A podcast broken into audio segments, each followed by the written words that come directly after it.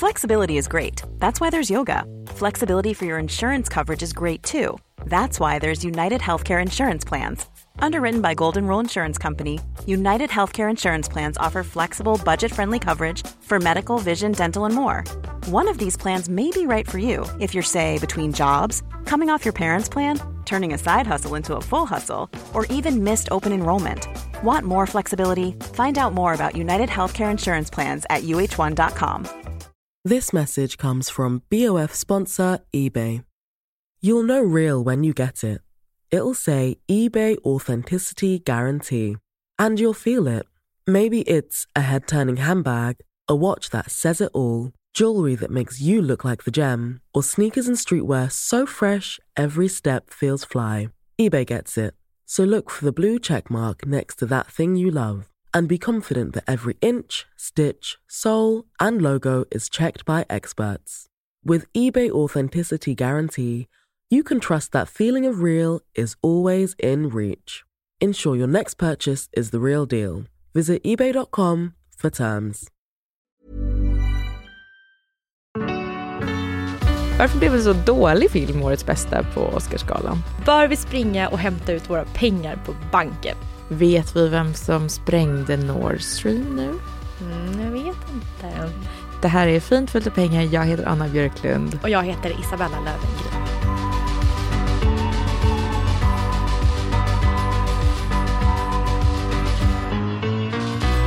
Du vet den här typ, vad ska man säga, privilegiediskussionen som vi har eh, berört lite ibland i podden. Ja. Att den har så funnits hela eh, mitt vuxna liv. Det är ju, det, är- jag har bara tänkt på det, det är ju så anledningen att jag sitter här nu fast jag är typ är magsjuk. och i nionde månaden. och jag har varit uppe till tre.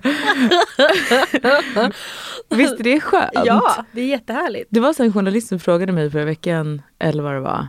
Eh, jag glömde säga det till dig, men jag tror att jag liksom försvarade oss lite, eller försökte förklara så här. Men som sa så bara, ja hur är det så här, eh, du och Bella sitter och pratar om pengar, men, eh, men ingen av er har ju någonsin behövt tänka på pengar. Jag bara, Mm, ja, eh, du vet så. Men det finns den bilden att, att det skulle finnas någon så här i bakgrunden en tappkran som så fort man behöver lite stålar så går man till den. Ja, Det kanske du också har. Jag har haft det, har inte det längre. Nej, nej, nej men du, du, du har haft den tappkranen Ja, ja. rent fysiskt. Ja. Men du har alltid haft den bilden av att du har en tappkran. Åh ja. Ja, för att du liksom har ett fint efternamn och lekt med den rollen. Ja, liksom. gud. Och jag kommer aldrig bli... Den kommer alltid vara där. Det kommer alltid det är vara där, också. Det är ju det på något konstigt sätt. Fast jag, eh, jag har ju inte haft det på det sättet. liksom. Fast jag hade det några få, få liten Ja. period. Men det, men det är faktiskt, jag, jag, jag tackar liksom, det har varit en så himla bra uppfostran för mig. Att så här, jag tänker så här, jag kan aldrig gnälla för att så fort jag försöker så kommer någon jävel och liksom skriker så, tror du att det är synd om dig? Eh, och jag bara, nej, nej, nej. aldrig i livet. Jag jobbar Jag fast jag är nyförlöst. Jag säger inget om det. Jag, jag haltar med förverkar.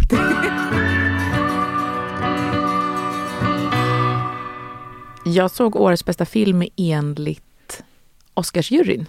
Mm. Var den så bra som folk säger att den borde vara med alla de utmärkelserna? Den vann ju nästan alla priser. Mm. Nästan alla bästa skådisar, bästa film, bästa regissör, bästa... Så jävla dålig. Den var det? Bella, den var så dålig. Du måste, eller varför? Ja. Eller nej, fast jo, den var... Du hade hatat den ännu mer än jag gjorde tror jag.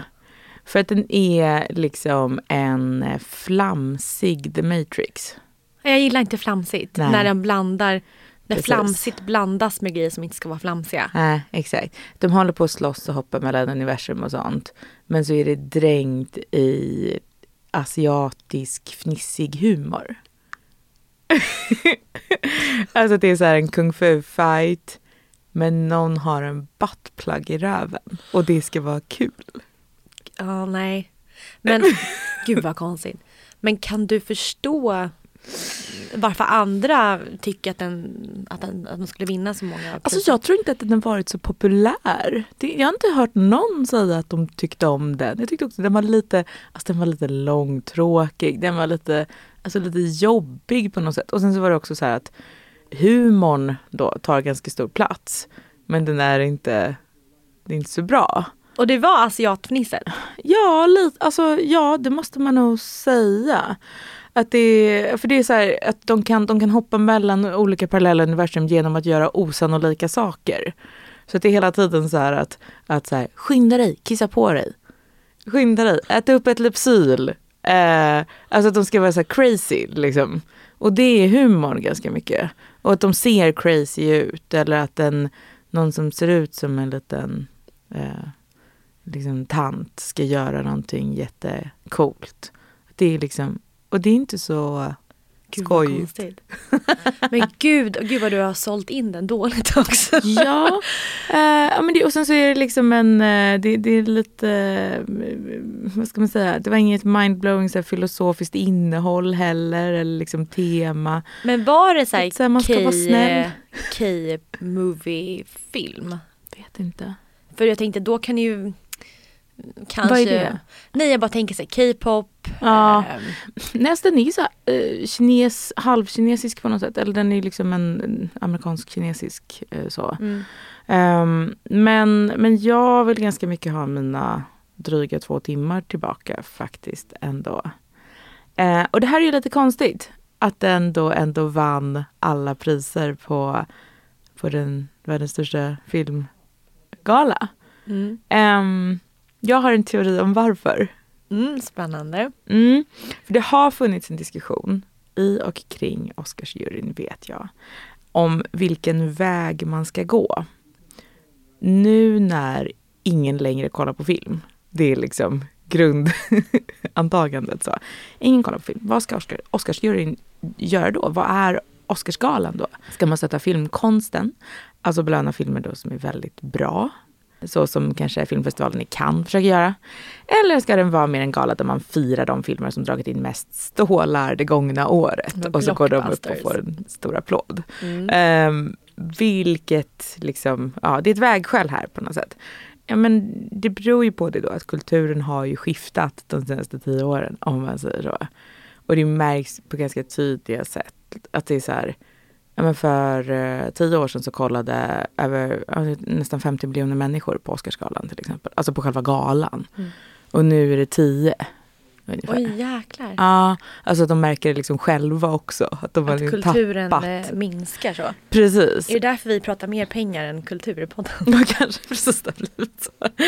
Men det är också så kanske att för tio år sedan så kunde en stor blockbuster vara bra. Men i så fall, vilken kategori hamnar den här everything anything? Ja men precis, för det, det är ju lite konstigt då att den, ham- den är ju inte i någon av kategorierna egentligen. Nej. Den är inte jättepopulär och liksom alla så här, 12-åringar går och ser den i en sån upplevelsestol där man blir sprutad med Har du vatten ens sett den annonseras på bio i Sverige?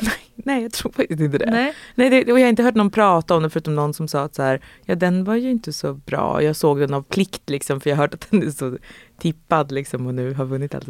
Nej men, nej men den är ju inget dera men på ett sätt perfekt för att Sa du vad den hette? den heter, den har också en knölig titel. Kanske därför vi inte pratat om den. Everything, everywhere, All at all once. at once. Everything, everywhere, all at once. Ja. ja, men nästan ingen har hört talas om den, nästan ingen har pratat om den och inte så många har sett den. Men Oscarsjuryn försöker hitta, som man gör när man är i en trängd situation, försöker man hitta en tredje väg. Du vet. De tänker då så här, okej, den här filmen har en internationell marknad. För det måste ju en liksom stor film ha. Den kan inte bara förlita sig på liksom västvärlden utan den måste funka i eh, Asien också. Det är därför Avatar till exempel är perfekt. För den har inga sådana eh, västkulturella liksom, konnotationer eftersom de inte ens är människor väl? Nej, Eller? nej, Nej, exakt. eh, Mm. perfekt alltså. Det måste också vara någonting som kan vara då en upplevelse att se. Så att folk går och ser den när de ätit såna cannabis edibles, för det är det folk gör på bio i USA. Eller liksom när de vill, eh, är 12 år gamla och vill bli underhållna och så sitter en sån stol som ruskas eller blir sprutad med vatten i ansiktet eller vad det nu är. Liksom. Så det måste vara ganska eh, det måste hända grejer, det måste vara Mm. action. Mm, Och det har Visuell 3D, det ska, Precis, du måste vara... gå till bion för att uppleva Ja, filmen. precis. Mm. Det ska vara färgglatt eller snabbt eller de ska slåss eller det ska vara mycket sex eller någonting ska det vara eller sånt. Ehm, och det har den här då också eftersom det är de här jättekonstiga kung fu-scenerna och folk har färgglada kläder av någon anledning som jag aldrig förstår. Och sådär.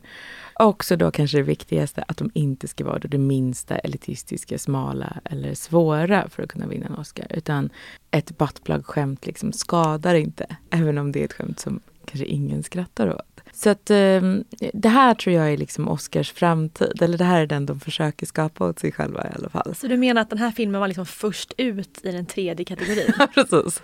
Den tredje kategorin de försöker skapa. Men, men som, som, jag vet inte, den verkar inte funka så himla bra. Men vi som gillar då, alltså det som är bra film på riktigt, alltså 90 minuter långt relationsdrama där någon går runt och bråkar med sin man i en lägenhet och typ har en jobbig mamma. Eh, vi har inte så mycket att titta ditåt för, liksom. Det kan man inte säga. Utan det kommer vara mer så som den här, eller kanske som den som vann bästa musik. Det var inte Avatar va? Eller? Nej, det var det var- Maverick. Nej, Eh, det var någon eller bästa låt. precis. Den här eh, indiska folkdansen i alla fall. Det var då inspelat i 4K. Det var färgglatt, det var internationellt. Säkert toppen om man är hög på en biograf. Eh, och det var i alla fall ganska svängigt.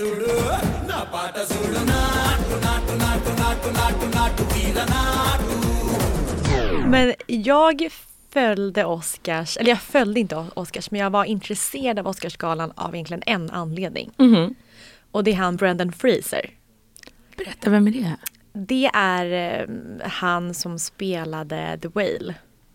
Ja! Mm. Mm. För att jag har, alltså Brendan Fraser har varit min idol sedan jag var barn. Mm. För han, eh, han var i huvudrollen i Djungelgeorge. Mm. Och sen Mumien, Mm. Mumiens återkomst och alla de heter. Jag har sett allihopa. Mm. Det var länge sedan.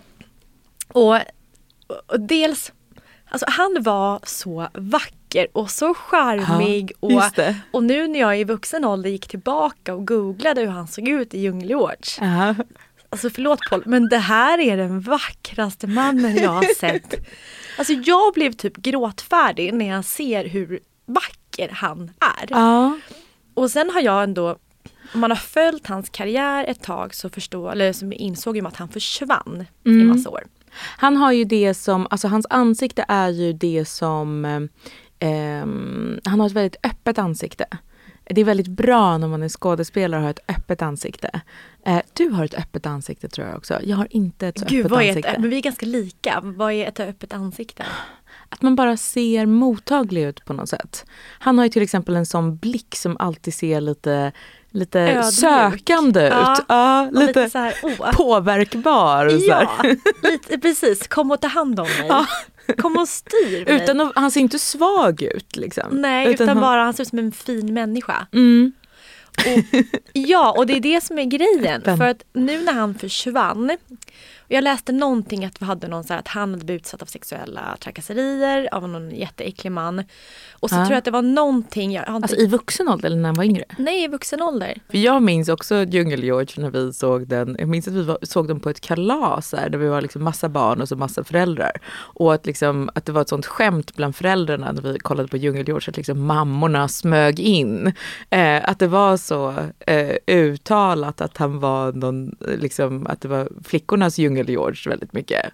Det, var- men det var väl hela filmen handlade väl om det. Det var Ja. inte de som kom på det skämtet kanske. Precis. Förlåt. Men att alltså USA älskar ju comebacks. Mm.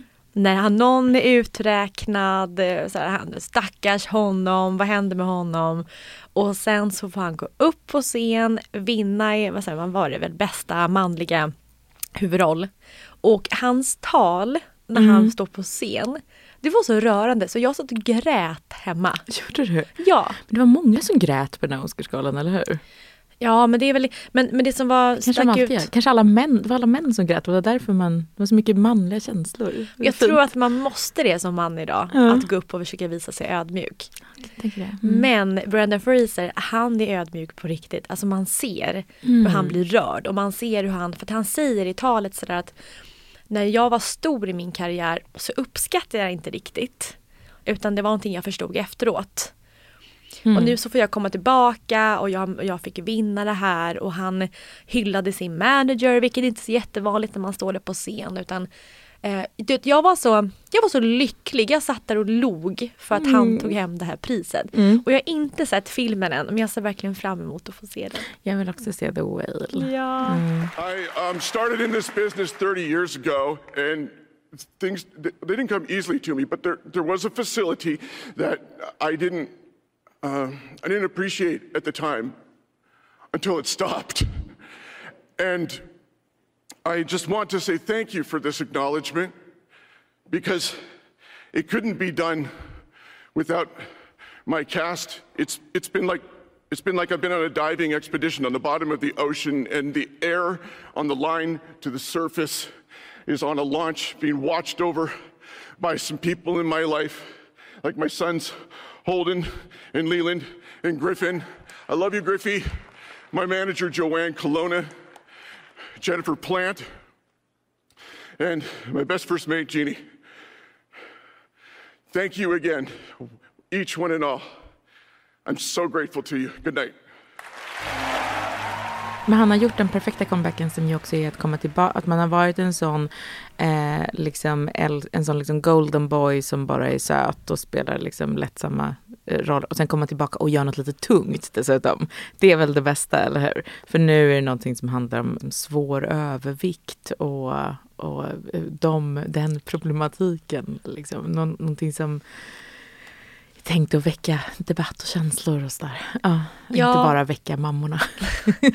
Nej men sen också, sätter man en, en eh, skådespelare i en miljö där det är massa effekter, Mm. som de i den här filmen som du pratade om i början med hoppa mellan olika världar, Mm. då är det ganska lätt och kanske att se bra ut. Men när en film utspelas i en och samma rum Mm. i två timmar, då är det ens liksom, talang som, som får glänsa. Mm. Mm. Så heja Brandon Fraser, jag är jätteglad för hans skull. Men någonting som jag tycker är befriande i Hollywood är Mm. att saker och ting går ändå åt rätt håll. Så Mhm. först var det ju hela liksom, metoo Mm. som togs upp att det är många som, ska man lyckas i karriären så behöver man liksom på något sätt bli utnyttjad vilket är Det- jättehemskt. Det är inbyggt i branschen. Ja men lite Mm. så. Ehm, och sen tyckte jag det var väldigt sådär, uppfriskande att skådespelaren som är med i um, You och han var också med i Gossip Girl, eh, Penn Badgley. Vet du vem det är? Eh, ja, det är väl han som är Lonely Boy i Gossip Girl, Ja men han är lite såhär pretty boy, alltså han ser lite Ja, söt ut. precis. Ja. Och han har nu har fått en egen serie som heter just You. Jag tror jag har sett tre säsonger, den är halvbra. Här, okej. ja. Mm. Men han Lockig, folk känner igen honom när man ser honom. Men Ja. Penn Bad... Bad Badgley, svårt Badgley. att uttala. Ba- Badgley. Ja. Ja. Men i alla fall, så han har gått ut och sagt att han vill göra färre sexscener. Mm. Just för att han tycker att det känns som otrohet mot sin fru. Och då är det också flera Mm. skådespelare och spel, skådespelerskor som har hakat på det här. För att man säger att man, är liksom, man vill inte göra mer sexscener. Nej. Och jag blev så otroligt glad och Ja. lättad när jag hör att man kommer minska på sexscenerna. För jag är så pryd. Ja. Trots att jag är 32. Ja, det är det jag tänker, att du hatar flams och du hatar liksom onödigt, vad ska man säga, du vill inte, nej, nej. Nej men jag känner så att det, det går ganska snabbt när man förstår att nu kommer de här människorna vilja liksom ha sex med varandra. ja, ja. Och, och det räcker där. Vi kan snabbspola det Ja, lite. jag Ja. fattar grejen. Så jag kunde inte se Games of Thrones bara för att det var så mycket sex. En tv-serie som jag ser nu som heter 1923. Där är det också så att jag har också nästan typ velat snabbspola för att det är liksom så lite onödigt insprängt. Det, är liksom en, det handlar om så här eh, indianer liksom, som är internerade i olika såna här läger på 20-talet och liksom eh, den här eh, järnvägsutvecklingen och det är liksom cowboys och det. Men så måste det också vara så här att bankiren har jättemycket sadistiska liksom, relationer. Det måste vara så att den gulliga cowboyen tar sin flickväns oskuld. Alltså det är, det är så här, hela tiden, tusen parallella sådana. Alla måste ha liksom sin egen lilla så här eh, sexstory också som är Mm. bredvid. Som också är alltid så här, men är folk så himla sadistiska bara för att han är bankir och ska vara ond typ så, så måste han liksom också alltså, slå sönder horor varenda avsnitt. Alltså, jag fattar inte riktigt, så jag förstår Penn Badgley, vad nu heter, om, om att det kanske inte är så, man kanske kan göra den rollen på något annat sätt, att inte bara Ja. Den här pseudoporren är lite match Jag tror ibland. inte, hade 50 shades of Grey kommit idag så hade den inte varit lika omtyckt. Nej, Jag tror nej. att vi är lite less på det där. Ja. Men, men skulle sagt vinnaren då med Oscarsgalan, var Mm. det mycket sex i den? Nej, ingenting. Perfekt! Jag hejar på tredje kategorin. Mer avatar, mer liksom stolar som skakar i biografen och inget sex.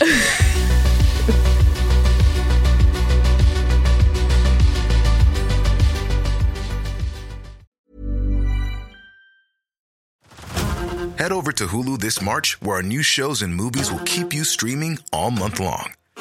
Catch the award winning movie Poor Things, starring Emma Stone, Mark Ruffalo, and Willem Dafoe. Check out the new documentary, Freaknik The Wildest Party Never Told, about the iconic Atlanta Street Party.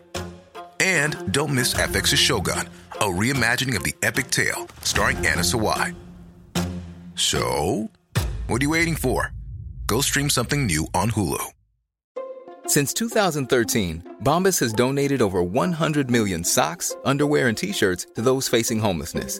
If we counted those on air, this ad would last over 1,157 days. But if we counted the time it takes to make a donation possible, it would take just a few clicks. Because every time you make a purchase, Bombas donates an item to someone who needs it. Go to bombas.com slash ACAST and use code ACAST for 20% off your first purchase. That's bombas.com slash ACAST, code ACAST. This message comes from BOF sponsor eBay. You'll know real when you get it. It'll say eBay Authenticity Guarantee. And you'll feel it. Maybe it's a head turning handbag, a watch that says it all, jewelry that makes you look like the gem, or sneakers and streetwear so fresh every step feels fly. eBay gets it. So look for the blue check mark next to that thing you love and be confident that every inch, stitch, sole, and logo is checked by experts. With eBay Authenticity Guarantee, you can trust that feeling of real is always in reach. Ensure your next purchase is the real deal. Visit eBay.com for terms.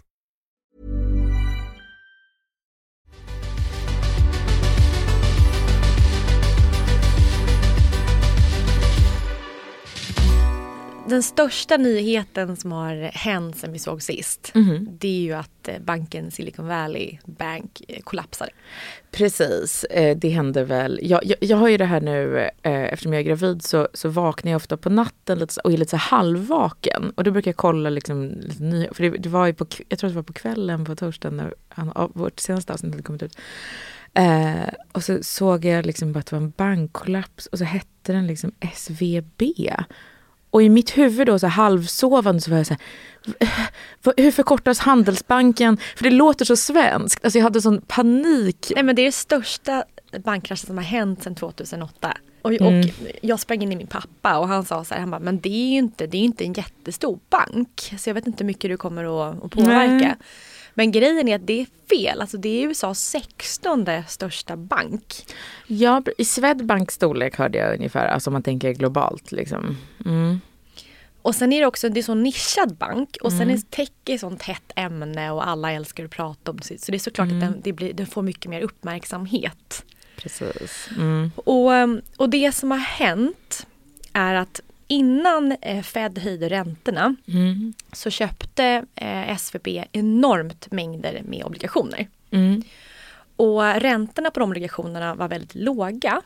Och när de inte, när SVB inte har gjort avsättningar på att räntan på obligationerna skulle kunna höjas ganska snabbt. Mm. Så blir det så att när, vänder, när räntan väl höjs Mm. så blir de nya statsobligationerna som man köper blir, får ju en annan ränta vilket är mer fördelaktigt. Just det, precis. De är mycket mer värda då än de gamla blir ju bara, eh, de, de har nästan inget värde alls. Nej, precis. Ja. Ehm, och, och grejen är att det här händer ju ofta men, men en bank som, som liksom löper på under en väldigt lång tid, Mm. då spelar det ingen roll. Nej, just det. Men när det är så att banken behöver sälja sina tillgångar väldigt, väldigt snabbt, Just det. då måste man ju sälja på den här förlusten. Så banken gör en jätteförlust när alla de här kunderna, då, företagen, säger att vi vill ha ut våra, våra pengar nu. Mm. Eh, och det blir ju då en psykologisk grej att när man ser att bankens liksom, networks har, har sjunkit så blir man ju nojig och vill ta ut sina, bank, ut sina pengar. Mm. Och amerikanska banker har en, en eh, bankgaranti på ungefär, nu ska jag översätta svenska kronor då, eh, ungefär 2,5 miljon svenska kronor. Ja, just det. Och, och det gör man just för att folk inte ska springa till banken när det börjar skaka. Mm. Men de flesta bolagen i säkert Silicon Valley har ju mer pengar Ja. än 2,5 miljoner kronor på Ja, kontot. precis. Och, Och de, det är också dessutom då företag som har tagit ganska mycket smällar hittills. Det var ju därför de behövde ta ut sina pengar också från början, eller hur? För att de, alla techbolag blöder, i, Ja. också i den här, på grund av räntehöjningarna. Eh, så får, de är beroende av kapital hela tiden, som de inte får längre. Nej precis, så när Ja. ingen kommer att, låna mer till högre ränta utan man plockar ut pengarna så blir Mm. det här en dålig spiral. Mm. Så i alla fall, så den här banken eh, kollapsade och jag tror att USA, de, Joe Biden gick ut med och sa att alla kommer få tillbaka sina pengar. Men jag vet att det har, eh, det har skapat en irritation för folk undrar var ska de här ta de här pengarna ifrån? Ja, just det. Precis, det är en politisk fråga. Då. Det blir en politisk Mm. fråga som kommer liksom med, nu i eh, efter Exakt. Jag har redan sett att folk varit ganska arga över så här att de eh, delade ut bonusar typ två veckor innan kollapsen och sånt där. Att det blir en sån, och det förstår jag, det, alltså det kommer jag ju, alltså vi har väl haft det problemet i Sverige också. Jag tror att SE-banken har väl blivit utbailad av staten så här sju gånger eller någonting. Och eh, att det, det, det, det skapar ju, alltså de är ju, de har jättehöga vinster och sen så fort de inte har det så har de oändliga garantier. Det, det är ju ett problem liksom i vår tid och vårt samhälle som inte riktigt går att lösa för att vi också, de måste också finnas. Det har bara blivit så. Mm. De måste det nu. Så är systemet. Jag tänker, för att alla de här startupsbolagen och grundare, de som driver bolagen, det är ju världens rockstjärnor idag. Mm. Så det, det kanske finns någon form De av... var Liksom, för en vecka sedan i alla fall. och det är lite det jag vill komma till. Ja. Att den här rockstjärnestatusen, kanske att man tänker att man bara har varit så dumdristig Mm. under de här åren. Mm. Men det är också att man som är entreprenör och startup då i Silicon Valley, att man inte tänker på kanske att så som jag bygger bolaget är inte riktigt ehm, har en, liksom en, en, en struktur som funkar i alla konjunkturer. Nej. För att när det har varit en låg ränta, då räcker när, när ett bolag kan låna eh, till 1% re- ränta, då räcker det med ett företag för att de kanske har liksom en, en vinstmarginal på 3-4%. Mm. Då har man en bra affär. Mm. Men är räntan 4-5 då behöver du ha en vinstmarginal på 7-8%. Och det är jäkligt svårt att få under en lågkonjunktur när folk Mm. inte handlar. Så Precis. affären för företagen fungerar inte. Nej. Så, så där står vi i en väldigt så här, dålig situation till mötes. Att hur ska man som startup-företag kunna höja sina pri- priser i en marknad där folk inte kan köpa för, mer, för större belopp? Så det gör att många av de här startupsbolagen kommer att slås ut nu. Ja, och det är väl också hela tanken med eh, eh eller hela modellen är väl också att, att vinsterna ligger väldigt långt fram i tiden för många av dem. Att det är liksom inbyggt, vilket ju varit då väldigt gynnsamt i lågräntetider för att då har investerare letat efter sådana som inte tjänar pengar nu, för just nu är pengar gratis och pengar betyder ingenting, utan just som kommer tjäna pengar sen. Eh, men om de inte överlever till sen, eh, så ja, det, det är liksom det, det, det är någonting som haltar här. Och jag bara påminns om alla men jag har träffat ganska många sådana som, som berättar att så här, ja, ja nej, men jag hade väl också några hundra miljoner före dotcom-kraschen. Och att sen så har livet så att säga återgått till det normala. så, eh, där man kanske bor i en hyresrätt och har ja, men ett jobb. Men en gång! Men en gång i tiden, precis. Och så, eh, så skulle det ju mycket väl kunna vara. Ja. Då slipper vi alla sådana självutnämnt smarta killar som säger att de fattar data. Vi är ju där nu och det kommer att bli värre. Precis som du säger, vi har haft en marknad där man som företag, man spenderar då en dollar och du tjänar 50 cent. Precis. Så du backar hela tiden eh, och det gör mig bara för att få market share.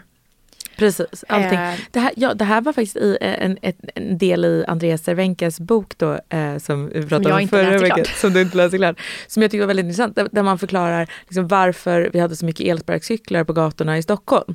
Det var ju just för att alla slogs om marknadsandelarna på en marknad där ingen tjänade pengar. Det var inte tanken. Men man skulle ta marknadsandelar för då attraherar man investerare. Att det är, liksom, det är de man slåss om, det är de som är marknaden för de här bolagen. Inte faktiskt kunder, för det är liksom Vinsten ska ändå inte vara nu, den ska ju vara långt fram, jättelångt fram. Ja. Och det som är så typiskt då med sådana här bubblor är att när pengar är enkla att få in, Mm. då blir också besluten väldigt dumma. Alltså när, pengar, när, man, när man kan låna enkelt och man får in kapital från riskkap, eh, riskkapitalister och sånt så blir investerande, de beslut man tar blir ju inte lika smarta än när man hade verkligen behövt vända på varenda krona. Nej, precis. Så att man har byggt företag som helt enkelt inte eh, kanske är starka i sig att stå stadigt eh, i olika konjunkturer. Så att jag tror att, det låter så hemskt att säga för folk förlorar ju så mycket pengar och jobb. Men det är väl en ganska naturlig fas i vår ekonomi att det är lite så här eh, evolutionen. Best Ja, fit. Exakt, och det kanske kommer vara en sån utrensning bland alla startups men det kommer inte vara bland ban- bankerna för det har inte världen råd med. Liksom. Det, det som man kallar kreativ förstörelse då som är kanske då att, att eh, ja, men de, de här startupsen som kanske inte var så jävla bra från början utan som mest var ja, men som, som red på en våg och när den vågen slår i ladd så liksom finns ingenting kvar. Eh, det, det är ju... Eh, det, det finns ju någonting så här, ja men naturligt evolutionärt i då kanske. Ehm, men att eh, ehm, det är ju, jag tror väldigt frustrerande för människor, väljare, medborgare och sådär att bankerna, de är liksom inte utsatta för den typen av rättvisa. Vi är det som privatpersoner, Mm. men Fast det, inte finns, de. det kanske är bra att, att bankerna är Ja, typ. ja, säkrare. så det fin- det, ja, precis. Det finns en logik i det. Men det är fortfarande någonting som man blir jävligt förbannad på. Ja. Jag blir det i alla fall. Ja men exakt. Ja. Ehm, och, men men det, som är, det som är trist om man då ska vända på det, så här, varför är det då tråkigt om alla de här techbolagen som försöker utveckla AI, vi tittade på metaverse som metaslopar och så, Mm. att när AI-utvecklingen kommer backa på grund av att de här bolagen inte kan få in mer pengar för att räntorna är dyra och så. Mm. Det är ju ett eh, bra tekniska bolag som har en bra liksom, teknisk tjänst eller AI. Poängen är om de, är, om de bygger tjänster i företag som gör att man kan producera varor till ett lägre pris. Mm. Då behöver inte produkterna och sånt som man säljer ut till konsument höjas i pris. Så det är liksom blir en deflation. Mm. Så att vi behöver mer techutveckling för att göra det billigare att producera för att inte behöva höja priset ut mot kund. Precis, det här är ju hela baksidan. Ja, det är Så- det, det tråkiga med lågkonjunktur. Ja. Nej, men så att vi är i en sån skakig tid och man försöker på något sätt form av, av, av greppa det. Mm. Att greppa det som händer och det är viktigt och det är egentligen det som jag vill komma till i det här. Att vi ser att SVB har fallit. Vi ser att eh, konjunkturen kommer att bli värre. För att ju, ju svårare är att få ner inflationen i ett land desto mer skada gör det på ett samhälle. Så vi, vi väntar en, en väldigt tuff tid och jag är en extremt positiv person. Men jag känner nu att så här, det är dags att som svenskar att ta upp och förstå så här, men vad är det som händer. Mm. För vi svenskar vi läser nyheter och då står det så här Nej men svenskar, vi konsumerar lika mycket och vi äter potatis och köper dyra tomater och alltihopa. Ja, jag har också sett det. Men och då KPI som du pratade om sist, de säger ju att vi handlar lika mycket. Ja. Och då tänker man att men då är det ingen fara. Men det som man har, glömt är att och inte räkna med är att det är priset på varorna Mm. som gör att vi tror att vi har handlat lika mycket. Men det är Just det, färre Vi bränner varor. lika mycket pengar, Ja. men på mindre. Ja, så det är en påverkan av ekonomin som kanske gemene man inte förstår. Mm. Och det är för att, för att informationen vi får ut är felaktig. Mm. Så det jag vill slå ett slag för eh, det är att här, läs på kring ekonomi, kring hur du ska tänka till, ha en plan om saker och ting blir värre. Mm. För sitter vi nästa år med en 5% i ränta Mm. och saker och ting är ännu dyrare. Att här, ha inte skygglappar på hur dina lån ser ut. Utan att banken kommer aldrig kunna hjälpa dig hantera din plånbok bättre än dig själv. Det som är så hemskt är att samhället måste slå ut människor. Att vi måste öka arbetslösheten och få folk fattiga. Ja, Det här är ju också en tråkig del av ekvationen då, att bankerna räddas men däremot arbetslösheten, det är bra om den stiger i liksom finansministerns ögon för att då eh, är det ett vapen mot inflationen. Den måste stiga. Mm, man väntar på det. Ja. Och, och vi har... Lite fler konkurser och lite högre arbetslöshet. Och det är det som är så hemskt och de vågar inte säga det högt. Nej. Men det är så, vi har, vi, det, det sägs upp för få människor i Sverige då för att kunna liksom, eh, på något sätt få ner inflationen. Ja. Så kriget handlar om att låt så många slås ner före dig. Håll Gud. ut så länge som du kan och se folk falla framför dig. Och det är så hemskt. Men då ska man vara Knuffa dem om du kan. men ska man vara krass så är det det vi går och väntar på. Ja, just det. Eh, ja, är sorgligt. Jag har inget positivt att säga om det. Nej, idag. vi, nej det, det är inget positivt avsnitt. Nästa gång vi poddar då ska jag komma med liksom lite mer ljus. Jag ser fram emot Vi får det. se. Vi får se vad vi är nästa vecka. Ja. Minns du att Putins gasledning till Europa, eller en av dem, sprängdes i höstas? Mm. Det, här var, det var många bilder på det här eh, eh, läskiga sugande hålet mitt ute i havet. Eh, går du ihåg dem? Ja. Det finns två ledningar eh, som är gasledningar och vi är inte så beroende av dem i Sverige för att vi har inte så mycket av den typen av energi. Men Tyskland framförallt har importerat väldigt mycket rysk gas genom de här eh, pipesen då som går bland annat under havet. Och så var det då den här märkliga grejen att under kriget då så plötsligt så eh, lyckas någon spränga den här. Eh, men ingen visste vem. Mm. Och, och ingen tog på sig det liksom. Um, och då, det hände en grej i medierna då som var att alla direkt sa att det var Putin som hade gjort det. Um, och fast Joe Biden alltså, hade sagt att det, det här är ju ett problem för att eh, Putin håller på och leker med den här. Han stänger av kranen, han sätter på kranen. Han liksom använder det här som utpressningsmedel mot Tyskland, mot Italien. Han sitter och leker med det. Ja, men han sitter, ja, men han sitter och leker med det och, och håller EU då liksom under, eh, under foten på något sätt. Att när som helst ska jag trampa på den fullständigt. Och så gjorde han, ja. Ehm, och, och det verkade ju väldigt, eh, så det gillade inte Joe Biden då som är allierad med många länder i EU och liksom vill att väst ska vara självständigt och inte beroende av Putins energi. Så att, eh, så att han sa ju att ja, men den, här, den här gasledningen kommer försvinna liksom, om det blir ett problem. Och så, och så poff sprängdes den. Eh, men trots det så var väldigt många övertygade om att det var Putin. För att man hade den här bilden av att Putin är ju den onda. Så när någon gör någonting liksom dumt eller drastiskt eller så i världen, då måste det ju vara han. Så tror jag att det, att det funkar i folks huvuden i alla fall. Ja, det ingår i liksom hans strategi men vi förstår inte vart, vad han vill riktigt Nej men än. precis, men, men, det, men exakt. Men det enda som han, det var ju att han blev av med dels en väldigt, väldigt dyr, liksom väldigt många mil lång undervattensledning och också ett jättebra utpressningsmedel då mot sina fiender i väst. Men det är Eh, väl det som styrker på att det inte är han som har gjort det. Precis, och nu säger då amerikanerna att de vet vilka som har gjort det. Mm. Amerikanerna säger att de vet och de säger att de vet att det är en ukrainsk, jag tror de kallar det för en icke-militär grupp. Alltså typ en ukrainsk terroristorganisation egentligen då. Mm. Med några som är på den ukrainska sidan och gjorde det här utanför det organiserade kriget. Så att säga. Så En det var inte, cell det var. Precis, det var inte Zelensky som tryckte på knappen. Eh, utan det, det var någon frifräsare som gjorde det.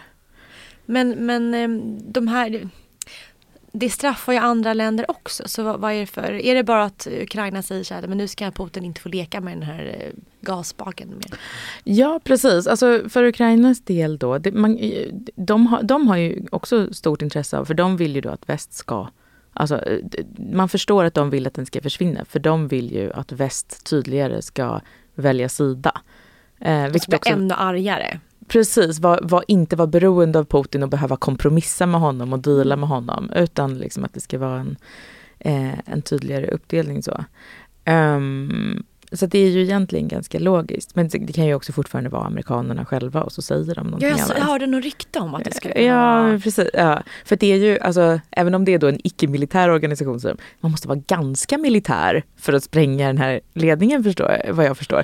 Eh, och dessutom för att, göra, liksom, för, att kunna göra det utan att lämna några eh, Men de hade ju kommit, de hade ju, spår. nu har de ju en, en tanke kring att den, den, den gruppen som åkte in och sprängde kom i en segelbåt. Det låter lite en segelbåt med en jättestor missil på. Ja, men det, för, det, för jag tror att de senaste spåren var att det var någon som, hade hyrt, någon som hade hyrt en tysk segelbåt. Och så var det ett gäng som åkte ut med den här segelbåten och liksom ska spränga. Ja. Och då var det någon så här superduktig militär person i Sverige som sa att, att han tycker att det inte låter så rimligt för att man hade hellre ganska- ta, tagit en motorbåt.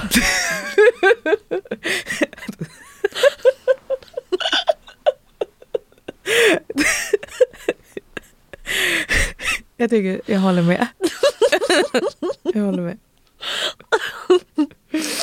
ja, då får vi se om det är ukrainarna då som har hyrt en, en tysk Mm. segelbåt. Ja men precis, men, men det, det är en intressant grej med, eh, med det här med, med liksom hur krig fungerar. Att folk, det, som jag tycker att man pratar om det i media ganska mycket är just att det finns en ond och en god sida. Just så här, något dåligt händer, då är det säkert Putin den onda. Ehm, och så i verkligheten så är det inte alls så. Eh, och det är inte riktigt så, ju närmare man tittar så brukar man ju faktiskt komma fram till att det, det finns ingen, utan vad ska man säga, ute på, ute på fältet, då är ju alla ungefär lika onda goda. Alltså i, när det är liksom man mot man så handlar det inte om mm, ideologisk övertygelse så mycket eller det är någonting annat. Alltså det är den här eh, på, på västfronten är inte nytt, det är också en sån eh, film som var eh, favorittippad på Oscarsgalan som ju handlar om just det, att liksom krig på nära håll är inte riktigt på det sättet. Det är lika inte elakt. svartvitt. Ja, Mm. precis. Också att det finns såna här då intressanta utkantsrörelser. Och det gör det ju verkligen i det här kriget. Som eh, slåss på en sida. Men hur de egentligen hör ihop med ursprungs... Eh, vad ska man säga? Hur de egentligen hör ihop med nationen och så där är lite oklart. Eh, det finns till exempel eh, i Ukraina har ju den berömda Azov-bataljonen som är nazistisk till exempel, nazistiska legosoldater. Och de har slagits där sedan eh, Ryssland invaderade eh, alltså för länge sedan. Och det gör ju inte att, att liksom den ukrainska armén är nazistisk. Men det är en sån grej som uppstår i krig och det är kanske det som är det allra läskigaste med krig. Att liksom lagar och regler försvinner. Att, eh, att det, det, det lämnar kaoset och våldet och så lämnar utrymme för den här typen av frifräsare liksom att, att göra grejer som, som de inte hade kunnat annars. Och jag tänkte då på så här en just en film som kom för typ tio år sedan när en sån stor blockbusterfilm fortfarande kunde vara bra då. En Tarantino-film som heter Inglourious Basterds. Mm. Såg du den? Nej. Eh, det, den handlar liksom om andra världskriget men han skriver om andra världskriget lite och så låter han judarna hämnas i den här filmen. Så det är då till exempel ett förband med amerikanska judar som leds av Brad Pitt. Eh, och de drar runt i Europa och dödar nazister och torterar nazister och de skalperar nazister. Efter Alltså det är väldigt- kriget är över. under kriget. Under kriget. Liksom, som är just ett sånt här frifräsarförband liksom, som Mm. ja, håller på skräms och grejer. Eh, de har till exempel en kille som de kallar The Bear Jew. Slår, slår ihjäl folk med ett basebollträ.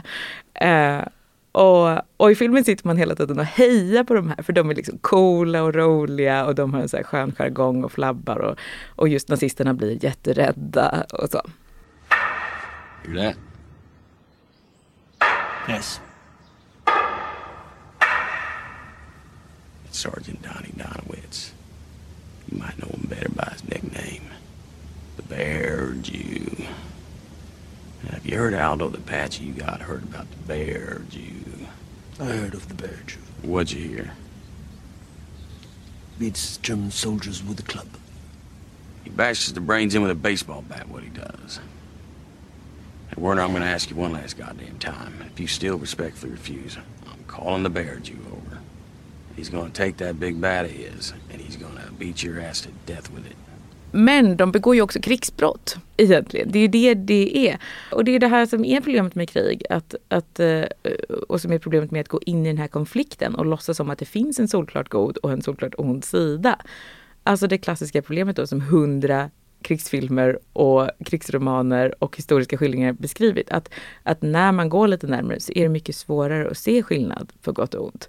Och när man tittar på The Bear Jew, som, är liksom, aha, som slår ihjäl en obeväpnad tysk soldat som sitter på knä med en pinne så, här, så, så är det svårt att säga att han är underdogen. Det är han faktiskt inte.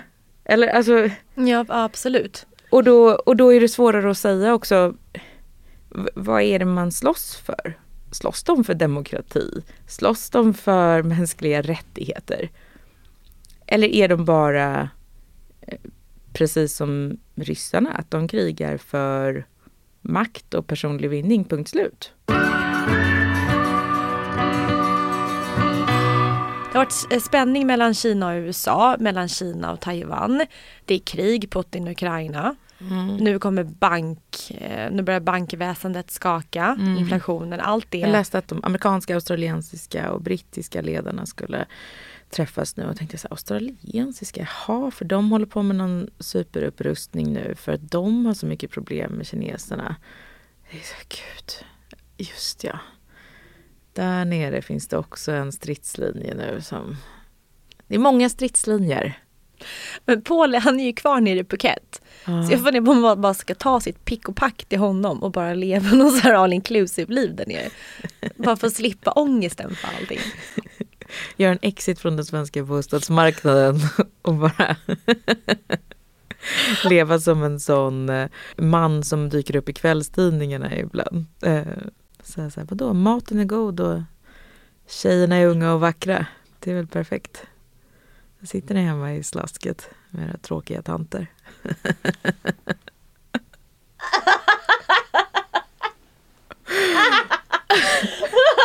Din nya Bella. Det här var ett muntert avsnitt av Fint, fult och pengar. Jag tror att vi har med all rätt så får man känna så här, det blir bättre nästa vecka. Kanske är roligast. Hej då! Glöm inte att Fint, fult och pengar släpps varje torsdag och berätta om vår podd för alla dina vänner.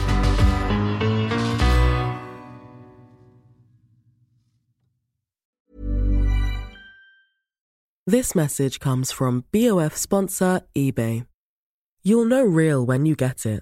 It'll say eBay Authenticity Guarantee. And you'll feel it. Maybe it's a head turning handbag, a watch that says it all, jewelry that makes you look like the gem, or sneakers and streetwear so fresh every step feels fly. eBay gets it. So look for the blue check mark next to that thing you love and be confident that every inch, stitch, sole, and logo is checked by experts. With eBay Authenticity Guarantee, you can trust that feeling of real is always in reach. Ensure your next purchase is the real deal. Visit eBay.com for terms.